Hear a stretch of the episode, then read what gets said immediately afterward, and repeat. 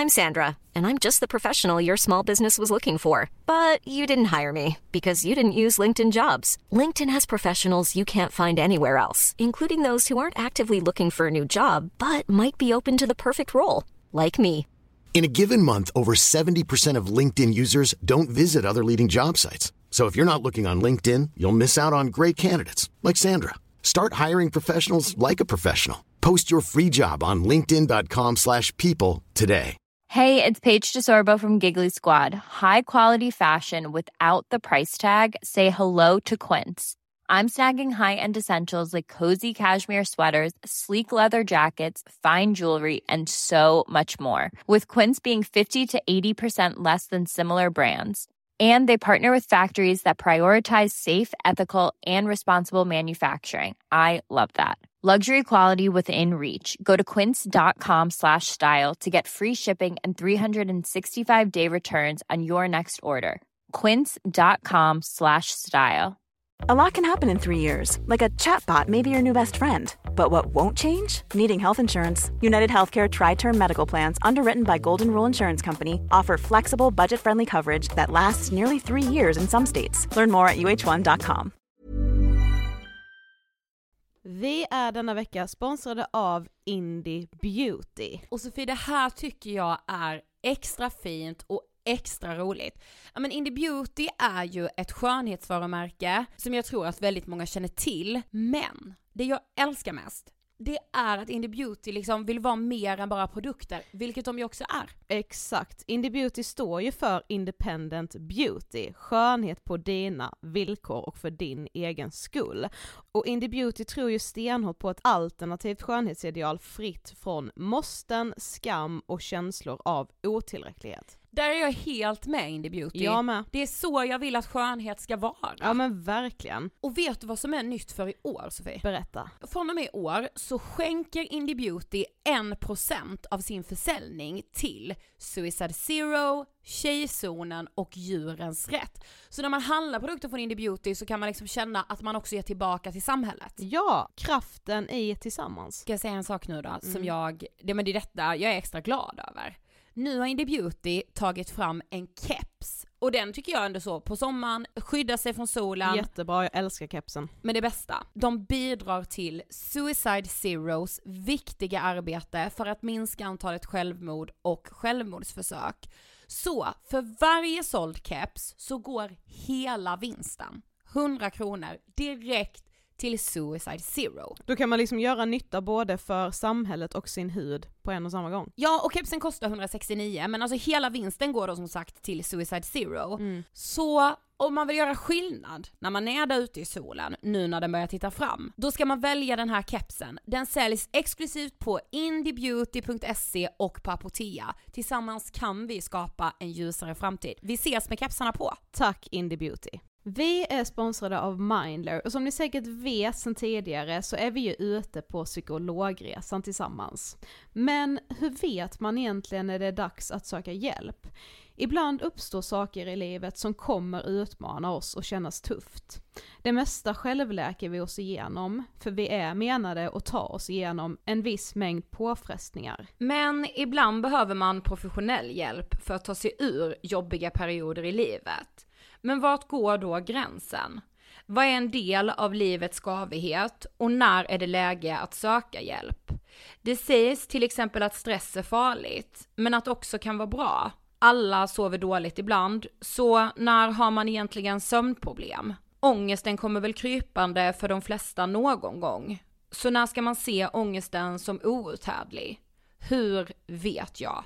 Med oss som psykolog har vi såklart min gamla psykolog Linnea Seidbrant. Men Linnea, vad är egentligen utmattningssyndrom? Utmattningssyndrom är en konsekvens av svår och långvarig stress utan möjlighet till återhämtning. Mm. Vi är ju då skapta för att klara av stress, men vi behöver också återhämtning. Om du utsätts för för mycket stress under en lång period utan att du får till den nödvändiga återhämtningen så kommer kroppen till slut att säga ifrån. Och det är faktiskt så att alla har en gräns. Du kan drabbas av en rad fysiska eller psykiska besvär som trötthet, sömnproblem, hjärtklappning. besvär från magen och tarmarna och mycket annat. Och det här är ju då varningssignaler och tecken på att du kan behöva göra någonting åt din situation. Annars så kan besvären utvecklas till att du mår så dåligt på sikt att du blir psykiskt och fysiskt utmattad. Ladda ner Mindler till din telefon och läs mer på mindler.se. Vi vill tacka Deodoc och Selected Office som gör den här podcasten möjlig. Behöver du en kontorsplats, kanske boka ett mötesrum eller hjälp med din hemsida? Gå in på selectedoffice.se.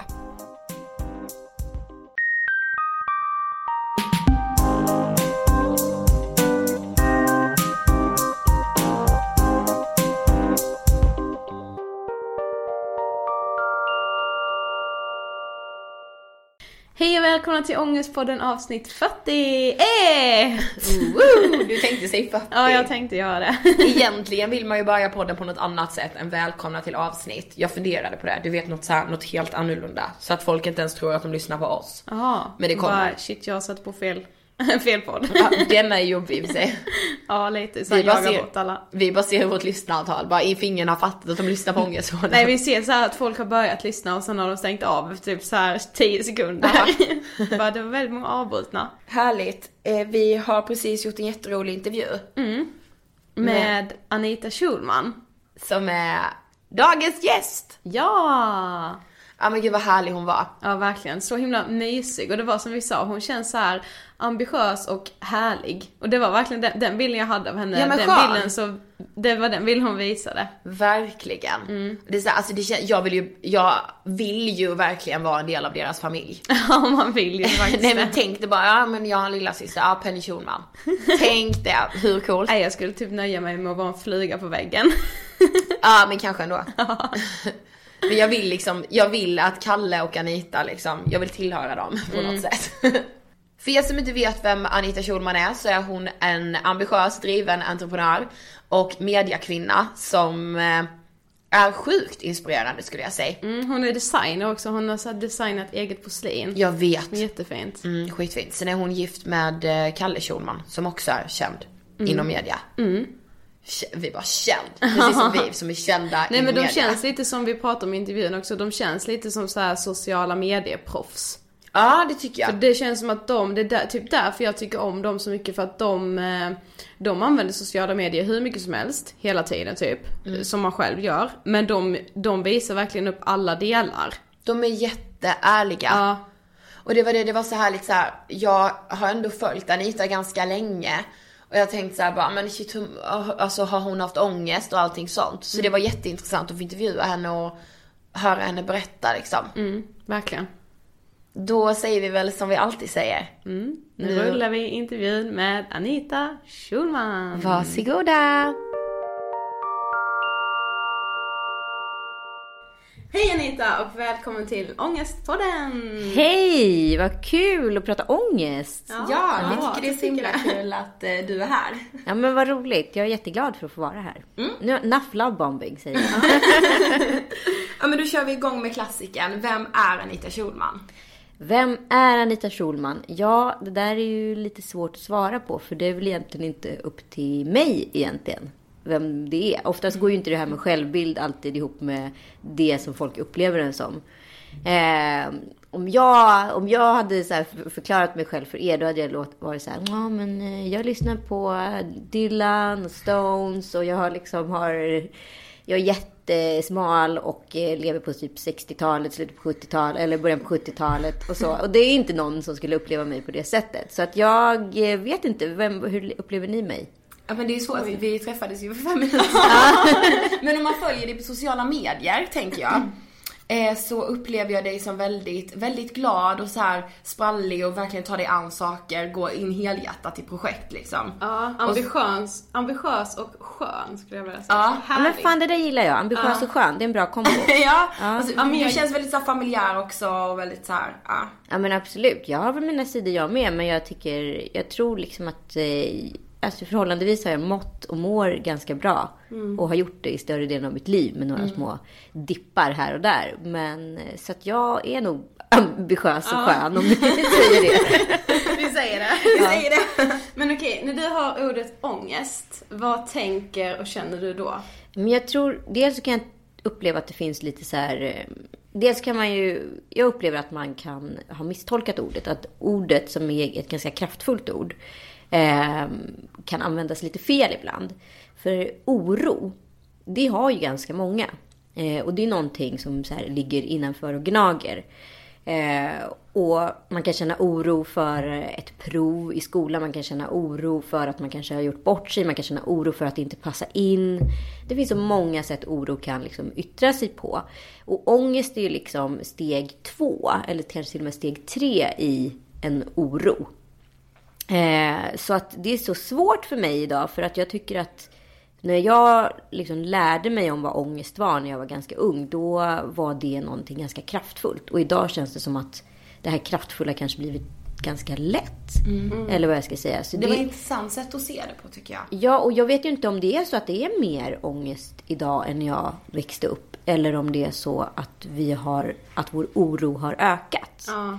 Jag tänker lite på, jag poddade, eller poddade, jag bloggade en del om när, eh, när jag skulle få barn. Och Pennys graviditet startade alldeles för tidigt. Startade redan i vecka 36. Och då så åkte jag in till BB flera gånger och, för jag hade så himla ont. Och då sa många i mina kommentarer så här, men gumman, du vet vad som är skillnad på förverkar och verkar. Och jag var så här, fast det vet ju inte jag. Det skulle du kunna veta. Nej, för jag har ju inte haft det. Eh, och det är lite samma sak som jag tänker på oro och ångest. Jag vet inte, om man inte vet vad det är så är det ju så här svårt att veta. Exakt. Men det var ju sen en konkret skillnad på förverkar och verkar. Eh, så det kanske är så, fast vi inte vet om det. Precis. Man måste Ja, hit sant. the wall innan. Ja. Jag och Sofie är ganska olika personligt när det kommer till just, ja men så här med känslor, att känna och att gå in i saker. Jag har väldigt mycket ångest och jag känner väldigt mycket. Antingen är det högt eller är det lågt för mig medan Sofie är mer balanserad. Ja, jag är mer så här, jag, jag visar inte vad jag känner. Jag har nog fått den rollen lite att jag är så här typ känslokall. Ja. så. Det där är så jäkla svårt tycker jag. För att jag är nog mycket mer känslig än vad jag också vill ge sken av. Jag är lite mer som du där. Eh, och det är ju både positivt och negativt. Men det som är lite skönt med att bli äldre det är att man så vågar faktiskt gråta. Eh, om man blir jättesårad eller jättearg eller upprörd. Och mm, jag, alltså, jag är ganska så här, jämnt temperament, tror jag. Eh, men om folk som känner mig vet att jag kan bli arg då och då, men då är jag ganska tydlig och rak direkt och så här, säger till. Men sen, det där blir jag skitirriterad på. Fan vad onödigt. Och sen är det utagerat.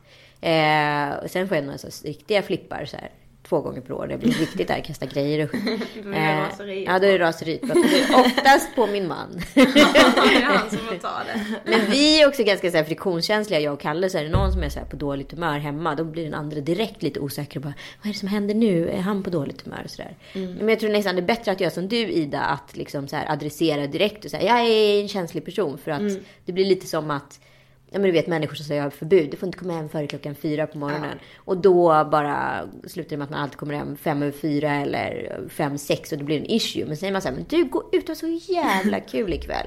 Då bara, alltså slutar med att man kommer hem två. För då finns det liksom ingen spärr. Alltså, Det är så sant. Det blir Ja. som att du säger det lite som en försvarsgrej Ja men det är så här, jag vill varna folk liksom. Så här, jag är jättekänslig. Nu ska vi kolla på den här sorgliga filmen och jag är jättekänslig. Jag kommer gråta hur Ja, sen sitter jag där och kollar Titanic och så gråter jag inte ens när Jack liksom eh, åker ner i vattnet.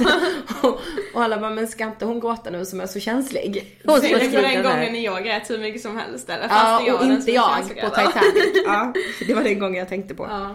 Eh, du har berättat tidigare om att din barndom var väldigt enkel och härlig, liksom, att du inte har mått så dåligt. Men det är många som upplever just puberteten som så en jobbig tröskel mellan barndomen och vuxenlivet. Man tror ju att man blir vuxen. Ja. Eh, men hur var du som tonåring?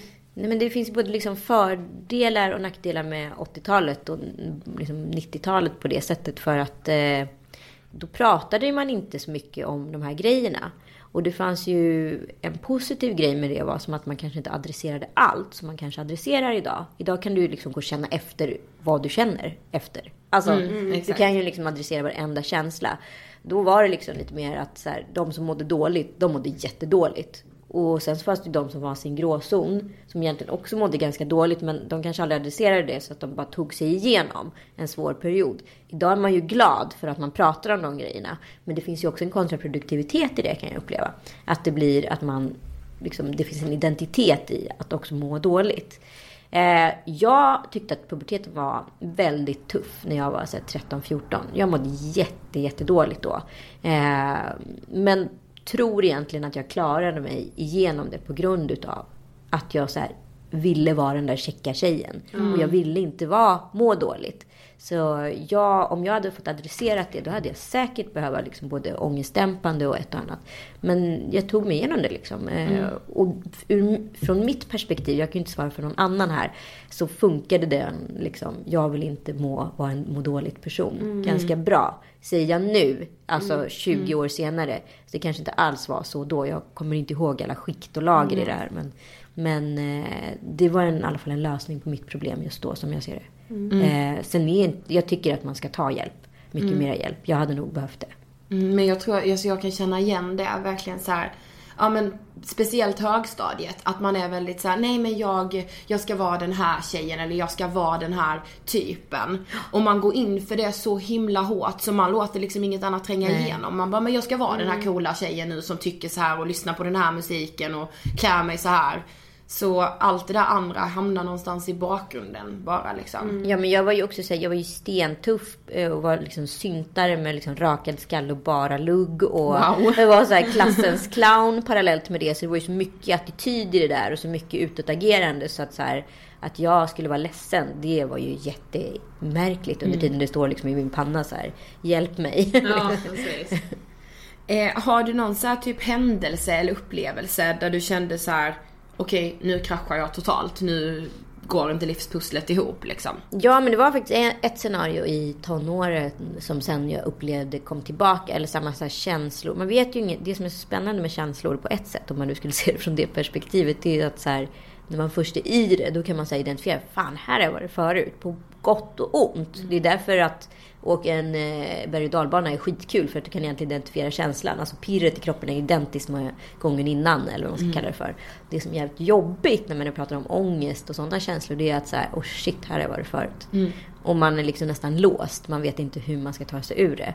Och sen är jag väl glad att man kanske har gått i terapi och sånt där som jag har gjort ganska mycket för att liksom förstå mig själv och på något sätt försöka lösa olika knutar som har funnits tidigare. Nej, men jag mådde jättedåligt mellan 13 och 14 och eh, då var det en kille som hade gjort slut med mig som jag var jättekär i. Eh, och jag eh, tog typ ledigt från skolan och satt hemma och så här, drack massa sprit och blev skitfull. Eh, och så däckade. Alltså jag måste nästan blivit spritförgiftad. Alltså så mycket drack jag. Eh, och det är ju en ganska gränslös handling. Alltså den är extremt gränslös. Och så det blev liksom ett wake-up call. Att det var så lite som krävdes för att här, sätta allting ur balans. Sen så upplevde jag när jag separerade från mitt ex eh, att jag liksom hamnade i lite så här falla fritt-känslan igen. Eh, det var en mycket liksom, större omvälvande liksom, separation eh, på alla sätt och vis. Men eh, då agerade jag nästan utifrån nästan här, som en maskin. Jag liksom bara gick upp tidigt på morgonen, gick ut och sprang min mil och liksom gick till jobbet, gjorde det jag skulle, gick eh, till nästa jobb. Jag var tvungen att ta, ett extra jobb och så jobbade på där. Gick hem vid åtta, tog en öl hemma. Vilket jag aldrig, det är för mig ett så osunt tecken på mig. För jag dricker aldrig ifall jag inte är i sällskap. Eh, och vi dricker, jag och Kalle dricker nästan aldrig vardagshemma. Det är en stor grej för oss när vi ska öppna en flaska vin. Liksom. Det är som en happening. Eh, eh, jag dricker bara i sociala sammanhang. Och att jag tog en så ensam öl tycker jag var ett tecken på att det här liksom, Det är ju inte så farligt kanske man kan säga. Men för mig var det en ganska dålig grej. Man får ju ta det utifrån individen. Och sen gick jag ut och så var jag ute till ett och sen så gick jag hem. Och så där så körde jag på liksom i tre månader. Alltså dygnet runt. Eh, och till sist så var jag ute och gick bara en så här Djurgårdspromenad med en kompis. Det var precis i samband med att jag hade träffat Kalle tror jag. Eh, och hade liksom snackade ut om liksom allt som hade hänt med henne typ Eh, ja. Sen skulle jag ta bilen, det var min bil. Och så vid Sara ungefär så började jag känna så här yrsel. Jag bara så här, det här det är någonting som händer. Det är någonting jättekonstigt som händer. Så hon fick eh, ta över ratten. Jag bara kraschade vid ratten. Så vi hann parkera där. Det finns en liten lastzon precis utanför Sara. Så vi hann liksom parkera där i princip med rumpan utav bilen ute i gatan. Och eh, hon fick liksom putta över mig i passagerarsätet. Jag kommer inte ihåg någonting. Sen var jag borta. Oj. Helt borta i 14 timmar. Det var inte så bra. Men då tror jag att det var liksom en konkret kollaps. Alltså ja. att allt hade liksom kört och så på. var det så mycket som kom ikapp dig då ja, kanske? Mm. exakt. Och liksom att man bara hade så här, Det som jag gillar med löpning, det är ju att det är väldigt så här ångestreglerande. Det finns ju tydliga samband mellan psykisk ohälsa och fysisk ohälsa. Mm. Och för mig att här, springa, det är väldigt så här, meditativt. Alltså att början utav man springer så kan man känna liksom vrede och frustration och sen så i mitten utav springturen så känner man nästan så här um, lite lösningsorienterad och sen så ja, när det nästan är slut är man så här som på nytt född och sen så är man helt ren i sinnet. Mm. Alltså det tycker jag är det häftiga. Eh, men har man sprungit ifrån liksom en massa problem, vilket jag gjorde då, eh, då kommer ju the shit hit the fan ja. förr eller senare. Så men, du nämnde lite om terapi där, men var det efter den här kollapsen som du kände att men nu måste, behöver jag någon professionell hjälp eller vad hände liksom? Eh, jo, men jag fick en personlig krasch ungefär när jag var 23 eller 24 år. Eh, jag liksom växt upp som sagt på ett, under väldigt trevliga förhållanden och haft snälla föräldrar och sådär. Eh, men varit liksom ganska skyddad eh, från ont. Och när jag säger trevliga förhållanden, då har det varit så att alla andra gör fel. Jag mm. gör rätt. Alltså det är det som kom från mitt föräldrahem. Eh, och sen, så jag hade liksom lite så här, inte förstått det här med ansvarskänsla och pliktskyldighet och sådana saker. Så jag var nog ganska så här, slö på jobbet i början. Trodde att saker och ting bara skulle lösa sig. Och sen så när saker och ting inte blev som det blev, då så här, var det alla andras fel och inte mitt. Hela tiden. Eh, och sen var det ett jobb som jag verkligen inte hade bett om, men blev, jag blev erbjuden. Eh, och blev ganska glad för det erbjudandet. Hur som helst, den här personen som erbjöd mig det här jobbet eh, var lite gränslös. Och hon sa sen efter, jag hade inte som sagt sökt det jobbet, jag hade ett annat jobb. Mm. Eh, hon bara, nej men du, det gick inte att få till. Jag bara, nej nej men det är ingen fara, det är lugnt, jag hade ju inte sökt det ändå. Mm. Och sen bara, fast jag måste berätta för dig. Och det här är så typiskt så unga tjejer i unga år som inte riktigt har så här, en utvecklad moral. Jag tycker att sen moralen är färdigutvecklad, när jag är tre, ungefär 30, då tycker jag att mitt liv har blivit mycket lättare. För att det där med moralen kan ställa till ett och annat. Mm. Eh, du, de vill inte jobba med dig för de tycker att du är så dålig. Och jag blev så... Det var som en sån wake-up call för mig. Mm. Jag blev så chockad utav den här. Men vad då? Det här är mina kompisar. De har ju sagt att de gillar mig. Och vad då? Tycker inte de om mig? Nej, de tycker liksom att du är världens lataste, värdelösaste på det du gör. Ja, men jag måste ändå vara ärlig, sa hon. Och jag var så här, Måste du? Ja, eller så här, eller oj. Inte så. på det sättet. Nej, och det är ju så här, det är ju så här unga tjejer som försöker leka, agera vuxna ja, utifrån... Ja, sig lite över varandra. Ja, men utifrån så egna så här, val och vapen. Liksom. Ja. Så jag, känner igen det så mycket. Ja. Vi är ja. verkligen där nu. Ja. ja, men det är en känslig ålder och det kanske man inte tror. För jag, om jag skulle vara helt konkret skulle jag nog säga att så här, mellan 20 och 25 var jobbigare än mina tonår. Mm. Ehm, för då hände det mycket mer sådana små grejer. Det var mycket mer så små konflikter och när moral... Jag ska verkligen inte säga jag har verkligen varit oschysst mot kompisar jag med. Och gjort exakt sådana här moraliska övertramp. Berätta för någon kompis att så här, hans tjej är otrogen. Ja men du vet, ja. vad, vad, vad jag med det att göra? Ja. Det, inte, det har inte jag med att göra. Ja men skitsamma. Så att där fick jag liksom en så här aha-upplevelse att så här, nu måste jag börja köra så här, terapi. Mm. Eh, och ta reda på vad det är som har hänt i mitt liv. Så då började jag en intensiv terapi i nästan ett års tid. Och sen så har jag liksom...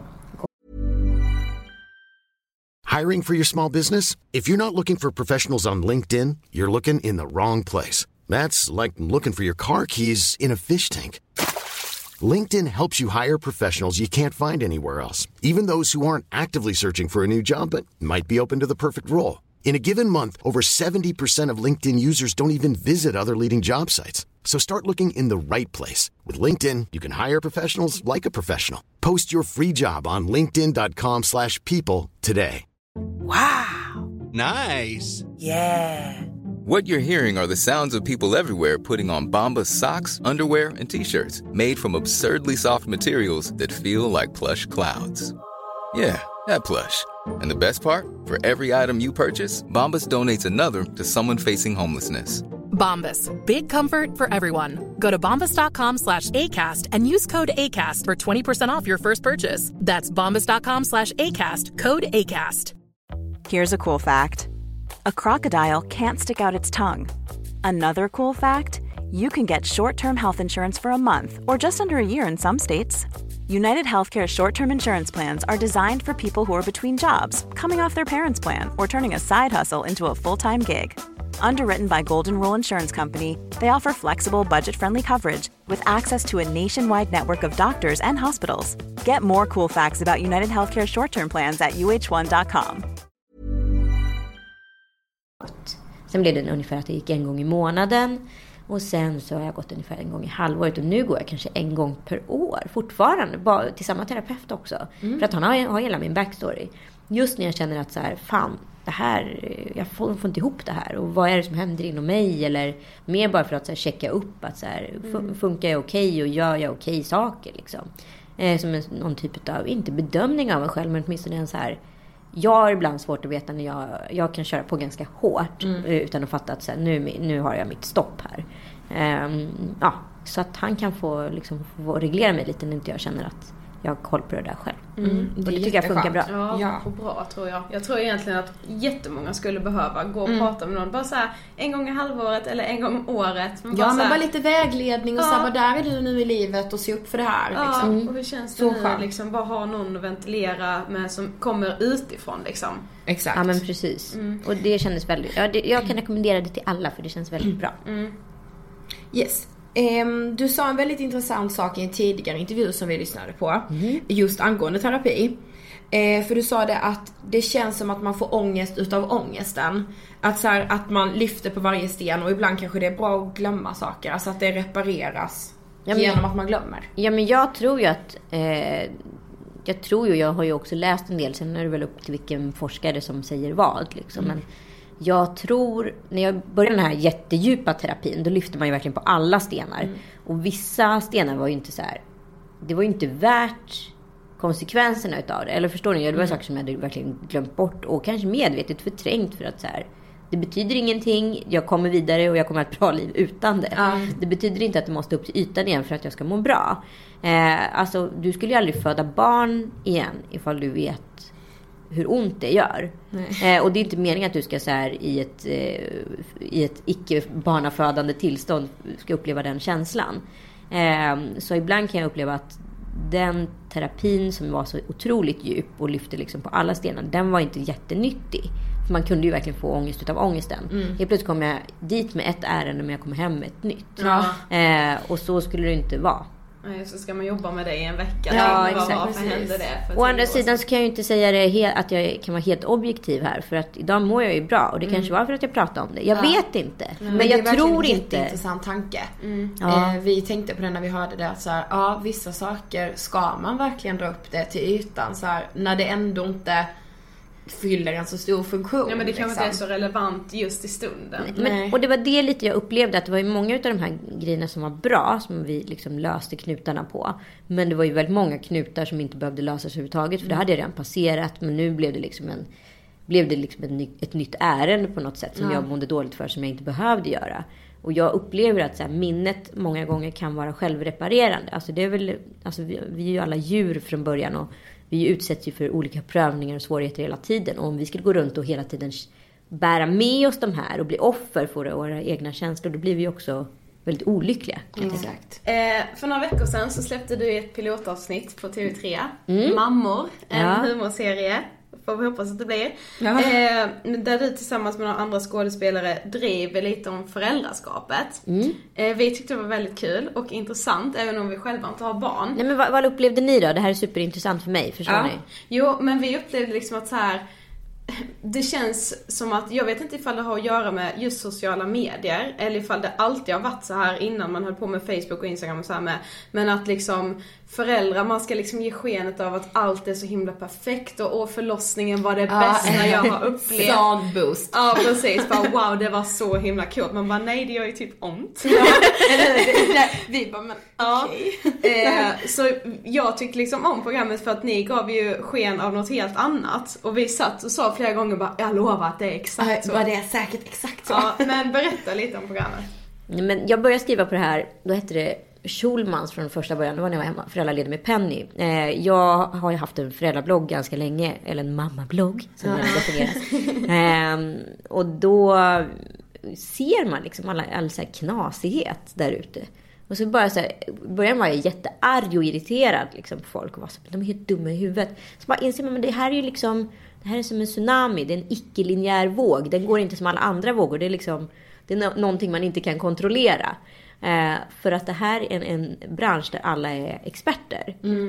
Eh, och alla har ju rätt utifrån sitt föräldraperspektiv. Vilket blir fruktansvärt roligt när man liksom tar ett steg bak. Ja. Och läser det här med liksom självdistans istället för att känna sig eh, personligen attackerad.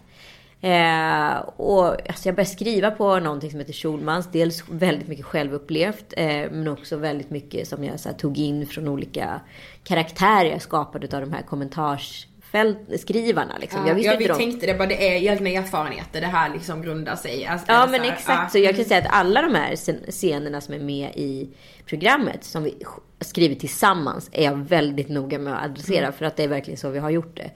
Eh, ja, hur som helst, där, Schulmans blev inte Schulmans. Sen började jag skriva med en annan person och då det en annan serie. Men då kallade det den för Moms. Eh, och då var det liksom lite mer en, vad ska man kalla det för, en Solsidan-aktig komediserie om föräldraskap. Eh, och så blev det inte den versionen heller. Och sen så i förra hösten så satte jag mig med Julia Duvenius, Anja Lundqvist och min kompis Ullis Erlemark som också är skådespelerska som är med i Mammor. Och vi började skriva på det här. Och vi gjorde en jätterolig pilot tyckte vi som låg i frysboxen på SVT väldigt länge. Och sen så la SVT Flow ner. Så det blev aldrig någonting där. Fast vi hade fått ett muntligt eh, avtal två veckor innan de hade lagt ner. Nej, ja. Eh, och då ska vi få gå på ny pitchrunda och sådär. Och då hade vi som tur var börjat parallellpitcha det som det heter. Det är när man alltså försöker sälja in ett program till tv-kanaler. Till TV3. Så så var liksom scenariot. Och mammor är sprunget ur att vi fyra olika mammor med olika barn i olika åldrar och en som inte har barn alls och kan ha det perspektivet. Har skrivit ihop det här. Eh, olika scenarion från vårt eget liv. Självklart lite twistat. Ja det var, det är ju väldigt så här sarkastiskt. Ja, alltså, så här- det är ju väldigt så här, liksom lite överdrivet. Men man förstår ju verkligen ändå när man tittar Ja. på det att så här, oh my god, det är så. Nej, men det ska ju vara lite så här i- inside out. Alltså, Ja. Och det, det är något fruktansvärt roligt med omoraliska kvinnor. Och kvinnor som är lite äldre. Det är inte liksom... Ja men, ni är ändå omoraliska det är ju- men när man är morsa så ska man ju liksom vara präktigheten själv. Ja. Och opräktiga morsor var väldigt kul. Jag vet inte, det finns en scen som är det här fotboll, huliganmammor. Där vi står och skriker vad snubbar gör på en bayern match Ja, liksom. ja. Har du käkat tårta till frukost till en treåring? Det blir inte så skönt. Liksom. Men vad har ni fått för så här reaktioner? Vad blev responsen på det här? Var det många liksom som bara wow, Jag så- det är så det är? Nej, men jag har liksom försökt också ställa mig utanför de som är kopplade till mig och i mina flöden och så. Utan bara liksom kolla på hashtaggen rent. Och det vi ville uppnå det är så att vi ska sätta så nya så repliker som man nästan så säger vid matbordet. Så här. Eh, knulleri knulleri bock. Och liksom det har verkligen blivit såna, jag såg såna här skärmdumpar på Instagram och jag har sett på Twitter. Att folk verkligen så använder sig av orden och, och gör det liksom. Och jag skulle säga 100% nästan positivt. Jag såg en kommentar från en Albin, 15 år, som inte tyckte att det var kul. Och sen från en Gre- Greta, 72 år, som inte tyckte att det var... Förstod absolut ingenting. det kan det jag skulle ju handla om mammor. Nej för vi tyckte liksom det var intressant för det är liksom lite samma sak som vi gör med podden. Att vi lyfter ett ämne som man inte har pratat om så mycket. Och vi tyckte, det var därför vi tyckte det var så intressant att ni liksom vågade göra det här med att bryta lite det här med att allt är inte perfekt i ett föräldraskap. Man får säga att i natt har min unge varit svinjobbig. Ja, jag har inte precis. sovit en timme ens för att hon har bara gråtit hela natten. Ja men exakt. Det känns som att det är sånt, sånt får man inte prata om liksom, för det är bara perfekt. Nej, det är Nej. så, usch, vad säger du om ditt barn? Ja, Känns precis. det som att det är så här då. Jo men jag skrev någon gång på bloggen så här. Eh, vi ha- hade kolik med våran ja, minsta. Han är, liksom, han är på riktigt en pain in the ass. Det är bara liksom att genomlida den här tiden. Och jag är så rädd för att skaffa barn efter den här upplevelsen med honom. Jag kommer bli, Kalle bara, du får skaffa nummer tre med din nya man. Jag bara, nej. Eh, nej men och då är det ju så här viktigt att adressera det. Snarare än att bara så här säga att allt är så himla Ja, bra. ja. Tillbaka till dig Ida. Och Ja, liksom precis. att så här, bättre att adressera och säga att så här, fan jag, det här är asjobbigt istället för att inte säga det. För att då blir det lite lättare. Ja. På något sätt. För skulle jag gå och hålla Leo bara hålla ihop när jag inte har sovit mer än tre timmar i 30 dagar i sträck. Då är det ganska tufft liksom. Då hade du kanske fått parkera utanför Sara en gång till. Exakt! Ja, exakt, exakt. Ja, jag tror det. Eh, vi har pratat tidigare i eh, podden en del om så här sociala medier och både du och din man Kalle är ganska aktiva där just på typ Instagram. Ni lägger upp ganska mycket så här videos och eh, bilder på era barn. Vilket är väldigt uppskattat. Man älskar ju det. Ja. Penny har ju ändå blivit Penny med hela svenska folket Ja, känns ja, som. det känns Ja, det så. känns lite så. Gud, det är så knappt. Ja, men tror du det handlar om någon eh, form av bekräftelse för dig och Kalle eller har ni en ganska så här bra distans till sociala medier? Jag skulle nog säga att vi är ganska så här duktiga på sociala medier. Vi har funnits i den här världen i nästan tio år, både jag och Kalle. Eh, han har ju varit lite kändare än mig tidigare, men jag har haft liksom en blogg sedan så här 2004 tror jag det var. Eh, jag startade min första blogg. Och man, har- man tränar sig, men man måste göra 10 000 timmar utav allt för att bli bra på det. Man lär sig och också så här, det finns något avdramatiserande med det. Alltså just att folk är så här, hur kan ni exponera era barn? Och det kommer folk, fram folk på liksom allt från eh, barnkalas och så här. Nej, ska, ta- ska ta snacket. Ska ta snacket med oss. Som att vi inte fattar liksom läget. Och jag är så här, jag är väldigt, jag är väldigt, dels vet jag jättemycket om sociala medier och jag är också väldigt intresserad av framtida sociala medier och behov. Och det, allting kommer ju gå ner i åldrarna. Det här kommer ju vara den centrala plattformen folk agerar på. Ja, det är ju i princip redan det helt och Ja, hållet. Ja. och, och det låter ju knasigt men vi har en väldigt medveten fyra och ett halvt åring. Hon är ganska så här Ja, vi tänkte fråga det för det är intressant. Är hon liksom väldigt medveten om typ sociala medier och så? Alltså. Ja, jag skulle till och med våga säga att hon är lite före. Alltså vi har ju väldigt så här, jag har alltid pratat ganska vuxet med henne. Jag har aldrig liksom gullat henne eller daddat henne och, och liksom ja, vi, hon vet vad vi håller på med. Och sen måste man ju se det utifrån vårt perspektiv. I hennes fall är ju liksom hennes bästa kompisars pappor och mammor alltid på TV. Eh, titta, där är den, där är den, där är den. Liksom. Eh, hennes eh, farbror sitter på posters ö, över hela stan. Liksom. Eh, så att i hennes värld är ju folk, syns folk. Eh, inklusive hon. Och hon vet nu skillnaden på eh, om de känner henne eller om de känner igen henne. Ja. Eh, och hon frågar, om hon inte känner sig säker så frågar hon oss, känner, jag, känner de igen mig? Jag bara, men de känner igen dig. Då ska någon folk komma fram på stan och fråga om de får ta en bild. Eh, och ibland vill hon och ibland vill hon inte. Men det är hon som får avgöra. Liksom. Jag såg det, hon sa det någon gång. Hon bara, Ja. idag vill jag inte ta bild med någon som kommer fram. Jag tyckte det var så här, gud vad, vad skönt, hon kände det själv. Så här, idag vill jag inte det. Ja, Men det är ju väldigt roligt för det är sånt som vi ser men inte hon ser än. Alltså folk vänder sig verkligen om på stan Ja. när de ser Penny Schulman. Och speciellt när man ser så här tjejgäng runt 20 bara Oh my god, Penny, Penny, Penny, Penny, oh my god! Ja, ja, och det hade typ vi också. Ja, det är lite idol alltså. ja, ja, ja, ja. Grym. Eh, men om du tänker här när dina barn växer upp eller de blir lite större. Har du någon så här strategi för att de ska känna så här att ja men sociala medier är liksom inte allt och man behöver inte vara perfekt där. Ja men det tror jag vi har ju bevisat ja, med jag, henne. jag skulle liksom. säga det. Det känns kanske redan som att ni är där. Liksom. Ja, nej men alltså vi försöker vara ganska så här. Alltså om vi hade ställt Penny på en sån här pageant-tävling där vi hade sminkat henne och liksom satt på henne kläder och tvingat henne att le. Då förstår jag att hon skulle må skitdåligt. Men här filmas hon, hon vägrar ju dessutom ha på sig kläder i hemmet. Hon har ju alltid sina små fula trosor. Eh, så det är ju så här, ja ska vi filma det eller inte? Eh, Skitsamma liksom. Det är liksom en liten barnkropp, vad ska jag säga? Ja. Ja, och hon och hennes lillebror brottas liksom. Det är, Ja. Jag personligen i efterhand kan jag tänka så här. Fy fan vilken lyx att få hela, liksom, få accessen till sin egen barndom på det sättet. Inte bara lite så här korta videofilmer utan egentligen se varje dag. Ja, så har jag också tänkt så många gånger. Ja. Liksom själv har man någon sån här VHS med Ja, någon flimrig, så ja, här, något kalas. Sofie 93. exakt. Mitt första år. exakt, det är så här dåligt filmat liksom. Så vinka till kameran. Ja, exakt. Och så var det så himla stageat och konstigt. Jag vill ha någon sån här grej från Spanien där jag ska stå och hålla på och dyka ner i en pool. Och man bara såhär, gud. Ja. men så onaturligt liksom. Ja. Det hade varit så mycket roligare om man hade fått den här möjligheten. Ja, exakt. 15 sekunder så här av liksom varje dag. Ja. Alltså jag tänker att, hoppas att hon kommer tycka att det är ganska kul. Kanske, hon kanske inte kommer uppskatta det när hon är 15. Kanske inte 20 heller. Men när hon själv har egna barn, att så här, ha hela sin barndom så mm. liksom. Ja. Hon har ju blivit liksom en karaktär. Ja, det har hon, verkligen. Okej, vi har kommit fram till sista frågan. Ja. Eh, vad inspirerar dig?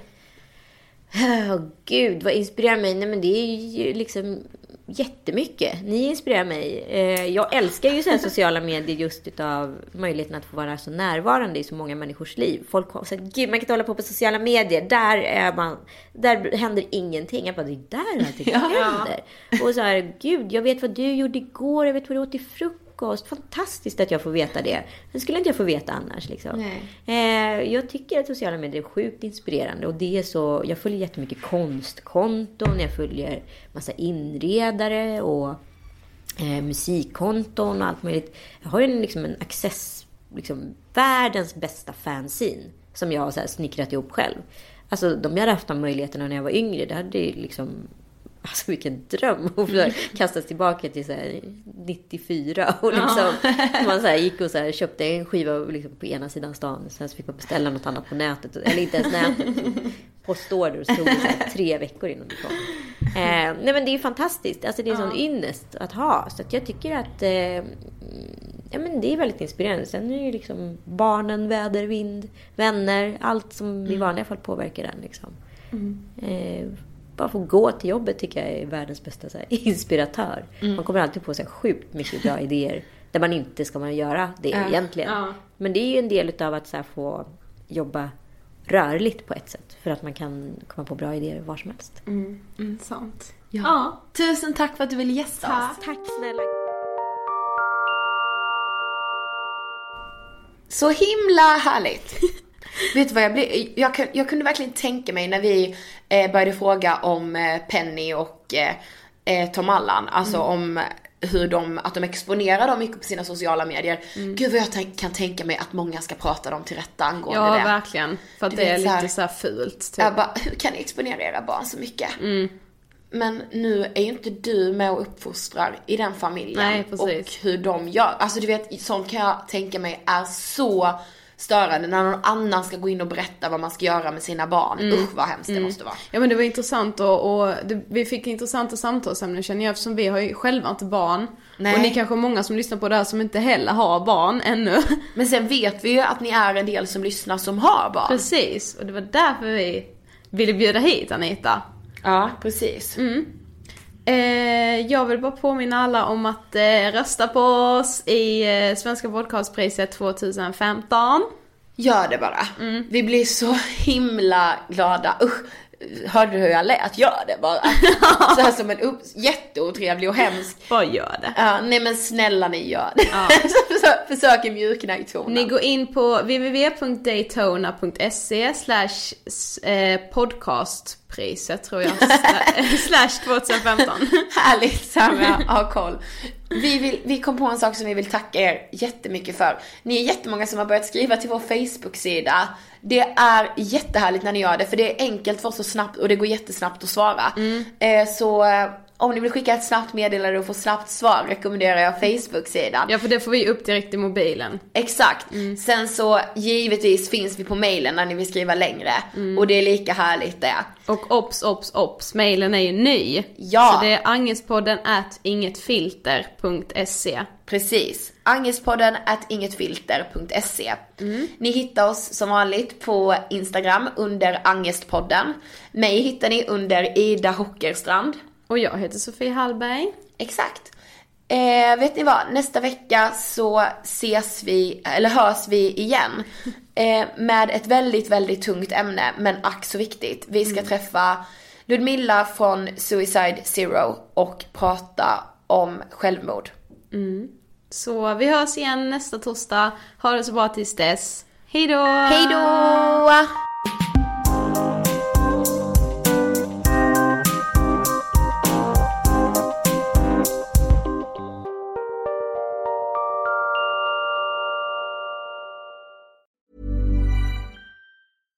Mom deserves the best, and there's no better place to shop for Mother's Day than Whole Foods Market. They're your destination for unbeatable savings, from premium gifts to show-stopping flowers and irresistible desserts. Start by saving 33% with Prime on all body care and candles. Then get a 15-stem bunch of tulips for just $9.99 each with Prime. Round out Mom's menu with festive rosé, irresistible berry chantilly cake, and more special treats. Come celebrate Mother's Day at Whole Foods Market. Planning for your next trip?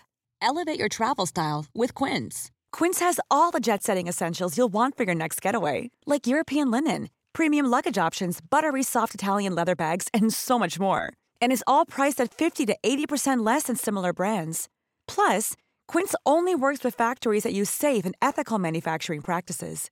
Pack your bags with high-quality essentials you'll be wearing for vacations to come with Quince. Go to quince.com/pack for free shipping and 365-day returns.